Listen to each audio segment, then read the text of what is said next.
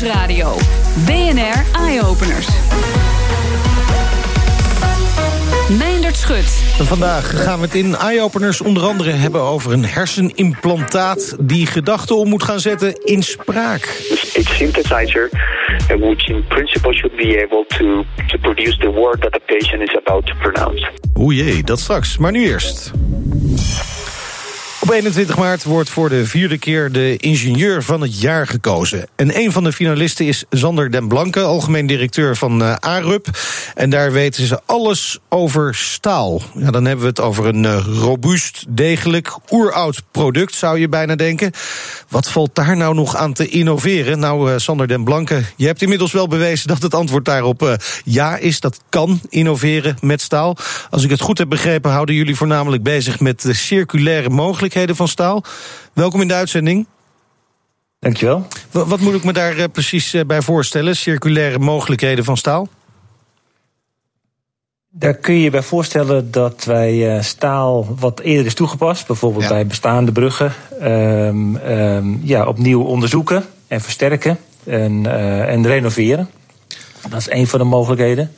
Uh, maar ook bij nieuwe toepassingen van nieuwe bruggen kiezen we voor uh, duurzame oplossingen waar staal uh, ook in de toekomst opnieuw hergebruikt kan worden of waar het onderhoud minimaal is. Ja, als ik het goed begrijp, betekent het dus niet het hergebruiken van staal dat je het opnieuw moet smelten en dan weer opnieuw in een nieuwe vorm moet gieten. Nee, nee, wij onderzoeken bestaand staal. Ja. Um, uh, waarbij wij uh, ja, nieuwe technieken gebruiken om okay. te kijken of er scheuren in zitten, of dat er uh, aangetast is door, door, door corrosie of roestvorming. En dat kunnen we herstellen en dat kunnen we ook berekenen. En kunnen we ook bepalen hoe lang het nog meegaat en, en voor welke functie het nog toepasbaar is. Dus dat zijn de manieren hoe we daar naar ja. kijken. Kun je een voorbeeld noemen van een project waarbij dit ook echt terug te zien is? Een van de voorbeelden uh, zou, is, is de renovatie van de Galenkoppenbrug. Dat is een bestaande brug in Utrecht, in de A12, vlakbij het kantoor van Rijkswaterstaat. Waar, uh, waar we onderzoek hebben gedaan naar de staat van het staal. En de brug hebben versterkt en gerenoveerd. Um, zonder dat het veel hinder heeft opgeleverd voor, voor het verkeer. Oké, okay, want het, er zitten wel wat uitdagingen in natuurlijk. Hè. Je noemde zelf al corrosie. Uh, het, het, het, staal is verouderd, is veel gebruikt, heeft veel te lijden gehad van, van weer en verkeer bijvoorbeeld. Uh, welke technische uitdagingen komen jullie tegen?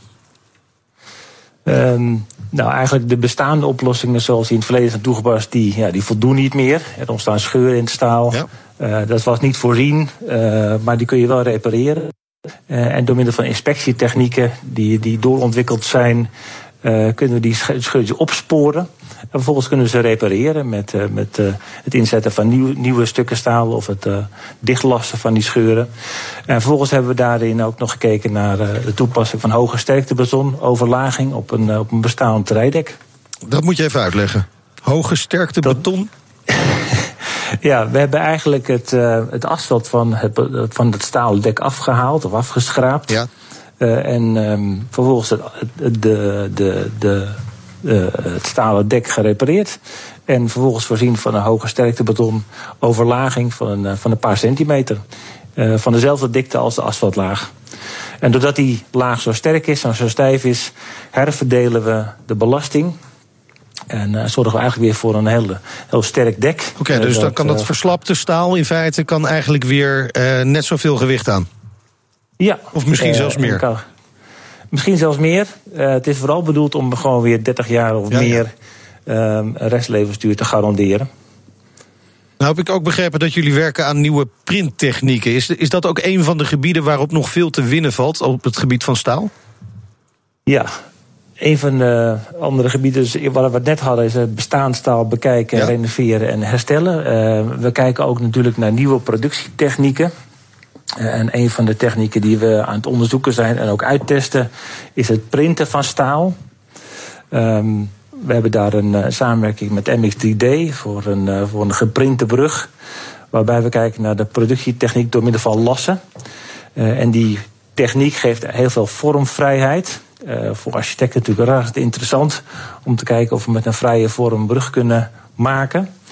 Uh, en daarbij kijken wat er, wat, er nog, wat er nog moet gebeuren om dat uh, sterk en stijf te houden voor, voor, voor gebruik. En dat is eigenlijk nog niet eerder toegepast. Nee. Dus dat is iets wat ook voor ons nieuw is, wat we verder onderzoeken. Um, vinden we, vinden we raast interessant. Ja. Nou, nou is het je vast niet ontgaan dat er een uh, importheffing op staal uh, wordt voorbereid door Amerika. is dat circulaire werken een van de oplossingen om daar omheen te gaan, bijvoorbeeld? Zodat je daar geen last van hebt? Ja, dat zou kunnen. Dat zou kunnen. Uh, het printen van staal, uh, ja, dat, dat is eigenlijk een hele nieuwe techniek om, uh, om staal te produceren. Daar heb je ook geen traditioneel geval staal voor nodig, zoals we dat uit Amerika betrekken. Dus dat is een oplossing. Het is nog wel een hele nieuwe techniek en, en op dit moment nog vrij kostbaar. Uh, maar op het moment dat dat uh, ja, uh, wat, wat meer gangbaar wordt, dan kunnen, kunnen de kosten ook gedrukt worden. Dus dat zou een oplossing kunnen zijn.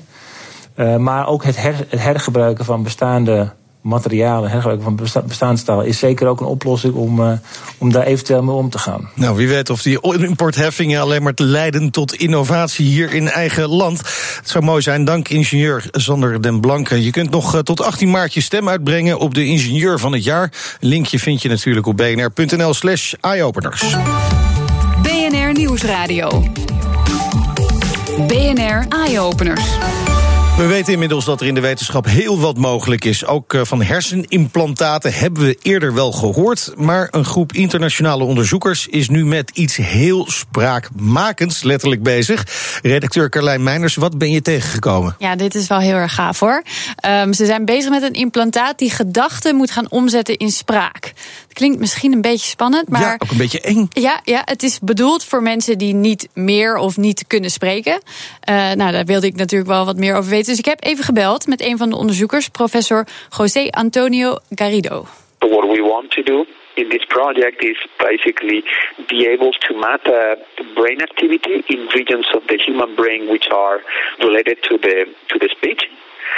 Decode that information and send this information to a speech synthesizer, uh, which in principle should be able to to produce the word that the patient is uh, is thinking or is about to pronounce.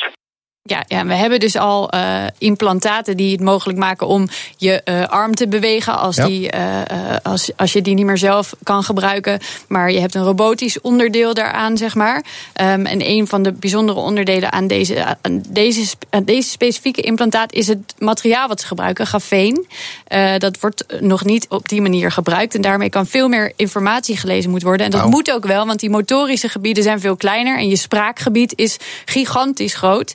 En er komt heel veel informatie binnen. Dus die, die, die chip moet dat allemaal kunnen verwerken voordat we naar spraak kunnen. Ja, maar, mensen die niet meer kunnen praten, daar gaan, gaan niet meer met hun mond praten, maar via een synthesizer. Dat dan, gaat dan eigenlijk. inderdaad het gaat via de chip naar een computertje en dat zet het dan weer om in uh, spraak. Ja, dat klinkt dus allemaal heel erg gaaf, maar moeten we toch inderdaad niet, mijn eerste reactie, een beetje eng, een beetje bang van worden? Denken we straks gewoon allemaal hardop? Ik kan me Nee. zo'n film herinneren, What Women Think. ja, ja. Daar kon je ook een beetje gek van worden. Ja, ja, ja, precies. Oh, dat was het, ja. ja, ja, ja. Nee, zo zit het niet. Het gaat echt om dat laatste stukje. Uh, benadrukt ook professor Garrido. We are not aiming at uh, at uh, sort of like recording thoughts. Yeah, that, I think that that's a very important message. Uh, what we are trying to do is like to understand what the patient is intending to speak when you're trying to move your arm. Now you're sending signals to uh, motor neurons which control uh, all the muscles and the nerves related to that motion of the arm. At the same way, when you try to vocalize, at that moment you are mobilizing or stimulating motor neurons in your articulatory speech area. Ja, het gaat dus echt om als je al bedacht hebt welk Ja. woord je wil gaan zeggen, dat laatste stukje, dus niet alle gedachten daaromheen, maar echt het, het eh, vormen zeg. van dat woord, daar, daar ze- richten ze zich op. En we hebben in Nederland ook indrukwekkende resultaten geboekt eh, op het gebied van hersenimplantaten. Al doen we niet mee aan dit specifieke onderzoek. Eh, we hebben verslaggever Harmer van der Veen wel even langsgestuurd bij Erik Arnoudsen, onderzoeker in het hersencentrum in Utrecht, om eens te peilen hoe zij over deze nieuwe eh, implantaat denken. Wij zijn altijd op zoek naar uh, nieuwe materialen, nieuwe innovaties om meer informatie uit de hersenen te halen. Wij kunnen al heel veel eruit halen, maar we willen nog veel meer weten.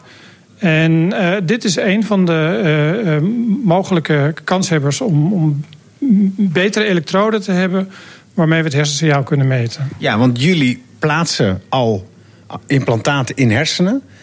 En ja, hoe beter die techniek, hoe meer jullie ook weer verder kunnen ontwikkelen. Ja, het is heel simpel. Wij meten van uh, twee elektroden in principe. Met twee elektroden kunnen we al een signaal naar buiten sturen wat uh, de, een patiënt kan gebruiken. Dat hebben we uh, laten zien. Um, deze groep zou in principe elektroden kunnen maken waar het hebben over tientallen, misschien honderden elektroden. Dat opent enorm veel mogelijkheden. Dat opent enorm veel mogelijkheden. Zij claimen dat zij binnen drie jaar dat al in kunnen planten. En dat dan iemand eigenlijk dat woord kan produceren in één keer zonder toetsenbord ertussendoor. Ja, dat, dat zou inderdaad heel mooi zijn. Uh, de praktijk is wat weer barstiger. Uh, er zijn heel veel stappen om te zorgen dat je, dat je die spraak echt eruit kan krijgen. elektroden, nou, zijn ze mee bezig. Implanteren um, bij mensen, dat vereist nogal wat tests die wettelijk voorgeschreven zijn. En het belangrijkste is het decoderen van het brein, dus het uitzoeken van uh, welke informatie uh, heb ik nodig om bepaalde woorden bijvoorbeeld uit te halen. Dat is het moeilijkste om te, voor elkaar te krijgen. Kunnen we deze Spanjaard zien als een techneut die jullie heel goed kunnen gebruiken en hij ook andersom jullie kennis? Uh, ik denk dat het heel verstandig is als, als wij met elkaar gaan praten om te zien hoe, het, uh, hoe zijn technologie ons onderzoek en andersom vooruit kan helpen. En dat jullie gesprek dan mensen die niet kunnen praten weer verder kan helpen? Dat zou inderdaad een heel mooie uitkomst uh, zijn. Wauw, te gek. Als dat gaat lukken. Dankjewel Carlijn Meinders en Jorde Harmen van der Veen... in gesprek met Erik Arnoudsen van het Hersencentrum Utrecht. En straks is deze nieuwe klasse antibiotica... de oplossing tegen resistentie. Nieuwsradio. BNR Eye-Openers. Een zware keelontsteking, blaasontsteking, een schimmeltje. De meeste mensen hebben wel eens antibiotica moeten slikken, maar we worden allemaal steeds minder vatbaar voor dat medicijn. Wat nou als het straks gewoon helemaal niet meer werkt? Enorm angstbeeld. Timo Koopmans is onderzoeker bij Carville Pharmaceuticals en is hard op weg om dat te proberen te voorkomen in elk geval. Uh, Timo, welkom in de studio. Waar werken jullie op dit moment precies aan? Um, op dit moment werken we aan een, uh, uh, een, antibioticum, een nieuwe klasse van antibiotica die ik in mijn promotieonderzoek uh, ja, heb gevonden eigenlijk. Ja. Um, die actief moet zijn tegen nou, niet het blaasontstekingje en de, de keelpijn, maar echt uh, de zware ziekenhuisinfecties, MRSA, VRE. Oh, de echte soort, problemen waar we eigenlijk op dit moment nauwelijks een antwoord op hebben. Uh, gelukkig, vooral in Nederland op dit moment nog wel. Gelukkig maar er is, wel, ja. Ja. het is fijn om dat, dat de pijplijn vol blijft ja. wat dat betreft. Hoe, hoe maak je eigenlijk een nieuwe klasse antibiotica? Uh, ja, daar is, daar is geen recept voor helaas. Het is niet uh, makkelijk lijkt mij, anders hadden we al lang heel veel meer gehad. Dat klopt, ja. Uh, het is niet makkelijk. Wij eh, zelf hebben gekeken naar hoe de natuur eigenlijk doet, hoe bacteriën elkaar bestrijden of voor territorium eigenlijk. Ja, want ze bestrijden niet alleen ons, ze bestrijden ook elkaar. Ja, ja het is net de echte wereld. Ze bestrijden elkaar voor hun, hun, plekje in het, in het ecosysteempje. Ja. En uh, die bacteriën maken een, een stof die heet nicine. En die, wordt, uh, die is ongeveer tegelijk ontdekt met penicilline. Um, maar is niet een medicijn geworden, maar meer een conserveringsmiddel. Zit bijvoorbeeld in kaas, worst, bier. Oh ja. Uh, dus iedereen heeft dat alles binnen gehad. uh, helaas is dat niet geschikt als uh, antibioticum. Oké, okay, we zijn daardoor niet beter beschermd door nee, het nee, eten van kaas en het drinken van bier. Dat nee, zou wel helaas fijn niet. zijn. Ja, maar... ja, helaas niet, want anders wist ik het ook wel. Ja, maar ehm, in het lichaam wordt het meteen afgebroken. Okay. wij hebben gekeken naar manieren om dat geschikt te maken als medicijn. En welke uitdagingen komen jullie tegen bij het ontwikkelen van dat antibiotica?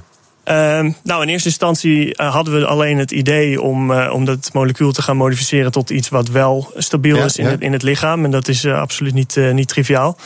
Um, ja, en dan, vanaf dan beginnen de problemen eigenlijk pas als je een, als je een molecuul hebt. Want dan moet je gaan laten zien.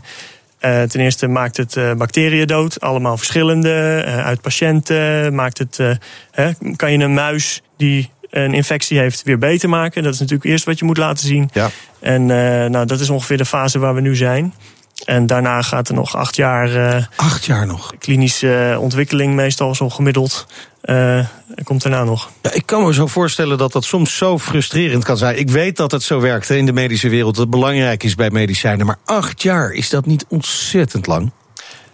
Dat is ontzettend lang, maar het is helaas geen rechtlijnig proces. En er moeten wel eens een paar stappen teruggenomen worden. En uh, de kans zit er ook altijd in dat een, uh, dat een molecuul pas helemaal laat in de. blijkt dat het toch bij een bepaalde subgroep niet werkt. dat is ja, de realiteit in de farmaceutische industrie. En uh, dat is waarom ja. eigenlijk alle medicijnen maken zo moeilijk is. Ja, ja. het is moeilijk. Uh, uh, we hebben natuurlijk ook al alternatieven, alternatieve medicijnen. maar toch blijkt het nog steeds heel erg nodig om nieuwe antibiotica te vinden, te maken en te ontwikkelen. ja, met alternatieven bedoel je pre preventie. Bijvoorbeeld? ja, nee, dat is, ik denk dat het allemaal nodig is. Uh, want uh, ja, waarom zou je niet aan preventie doen en dan iedereen genezen? Dat is het, hè? Voorkomen is beter dan genezen, ja. dat is altijd waar. Um, maar ik denk dat er voor, uh, ja, er moet op heel veel verschillende manieren worden gekeken naar antibioticaresistentie.